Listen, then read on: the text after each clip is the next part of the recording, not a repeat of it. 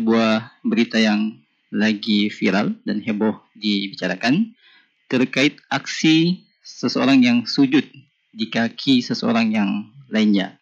Ada yang berpendapat bahawa sujud tersebut boleh bila kita bermaksud merendahkan diri dan memohon maaf. Mohon tanggapannya Ustaz. Ya, itu ucapan keliru, tidak ada yang seperti itu. Jadi sujud kepada selain Allah itu hukumnya haram menurut kesepakatan ulama. Tidak ada silam pendapat di dalam hal tersebut. Hanya saja sujud kepada selain Allah itu memang disebut rincian. Kalau dia sujud kepada selain Allah dalam bentuk ibadah, itu artinya ibadah kepada selain Allah. Kalau bentuknya ibadah, pengagungan kepada selain Allah sama dengan dia mengagungkan Allah, dia beribadah kepada selain Allah dengan sujud, maka itu adalah kekafiran, tidak ada silam pendapat di tengah para ulama. Tapi kalau misalnya dia sujud kepada selain Allah dengan maksud penghormatan, untuk memberi penghormatan, ini ada silam pendapat di tengah para ulama. Apakah dikafirkan atau tidak?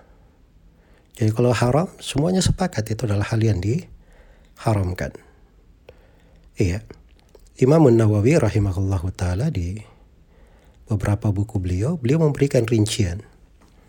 Karena itu di sebagian ucapan Imam Nawawi, beliau berkata bahwa apa yang dilakukan oleh orang-orang jahil berupa sujud di depan guru-gurunya itu adalah haram kataan kata Imam Nawawi. Bikul dihal bisa dipastikan haramnya pada segala keadaan. Apakah dia sujud menghadap kiblat atau selain kiblat? Apakah dia sujud? Dia maksudkan sujudnya karena Allah. Jadi dia sujud depan gurunya, tapi sujudnya dia maksudkan untuk Allah bukan untuk guru. Atau dia melalaikan hal itu. Kemudian kata Imam Nawawi dan sebagian bentuk sujud yang seperti itu ada yang mengharuskan kekafiran, bahkan mungkin dekat kepada kekafiran. Iya. Dan sebagian ulama uh, menyebutkan bahwa apabila hal tersebut dilakukan untuk penghormatan dan dia tidak tahu hukumnya bahwa itu adalah haram, maka itu tidak dikafirkan. Itu tidak dikafirkan. Dan memang ada riwayat ya di dalam hadith yang diriwayatkan oleh Ibnu Majah dan disahihkan oleh Syekh Al-Albani bahwa Mu'ad bin Jabal radhiyallahu anhu ketika beliau kembali dari Syam beliau sujud kepada Nabi Shallallahu Alaihi Wasallam. Maka Nabi bertanya kepadanya, wahai Muad, ada apa ini? Apa yang kamu lakukan ini? Maka kata Muad bin Jabal, ya Rasulullah, saya datang dari Syam. Dan saya dapati mereka di Syam, orang-orang Nasara itu, mereka sujud kepada para pendetanya, para pemimpin agamanya. Maka saya pun berniat dalam hatiku untuk melakukan hal itu padamu. Maka kata Rasulullah sallallahu alaihi wasallam, "Fala tafalu." Kata Nabi sallallahu alaihi wasallam, "Jangan kalian lakukan." Itu tegas pelarangan Nabi tentang hal tersebut.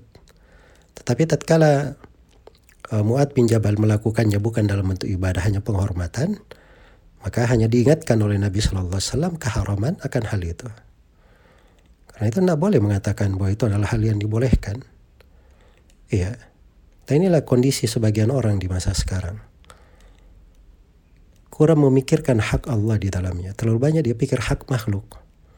Dia masalah sama orang, bagaimana cara orang ini dibuat ridha. Ya, ketika dia melakukan hal tersebut, dia berpikir bagaimana caranya diberi jalan keluar. Dia tidak pikir hak Allah di dalamnya. Sujud itu, itu dari kehususan ibadah. Itu milik Allah subhanahu wa ta'ala. Harusnya yang dia pikirkan, saya setiap hari sholat lima waktu 17 rakaat dalam sehari dan semalam. Iya, 17 kali sujud. Atau di dalam sujudnya, di di dalam sholatnya tentunya sujudnya menjadi dua kali lipat. Ya. Dalam sujud yang banyak itu dia tahu itu hak Allah subhanahu wa ta'ala. Harusnya dia berpikir ketika ada hal yang seperti itu, ini saya berikan hak Allah kepada orang lain atau tidak. Harusnya itu yang dia pikirkan. Tetapi tatkala seorang itu didominasi memikirkan hak makhluk, akhirnya itulah yang terjadi. Dan dari sebab terjadinya berbagai masalah di tengah manusia, turunnya musibah, malapetaka, rancunya berbagai macam uh, urusan, itu disebabkan karena hati itu bergantungnya bukan kepada Allah Subhanahu wa taala. Ini harus kita perhatikan dengan baik. Semoga Allah memberi taufik kepada semuanya. Wallahu taala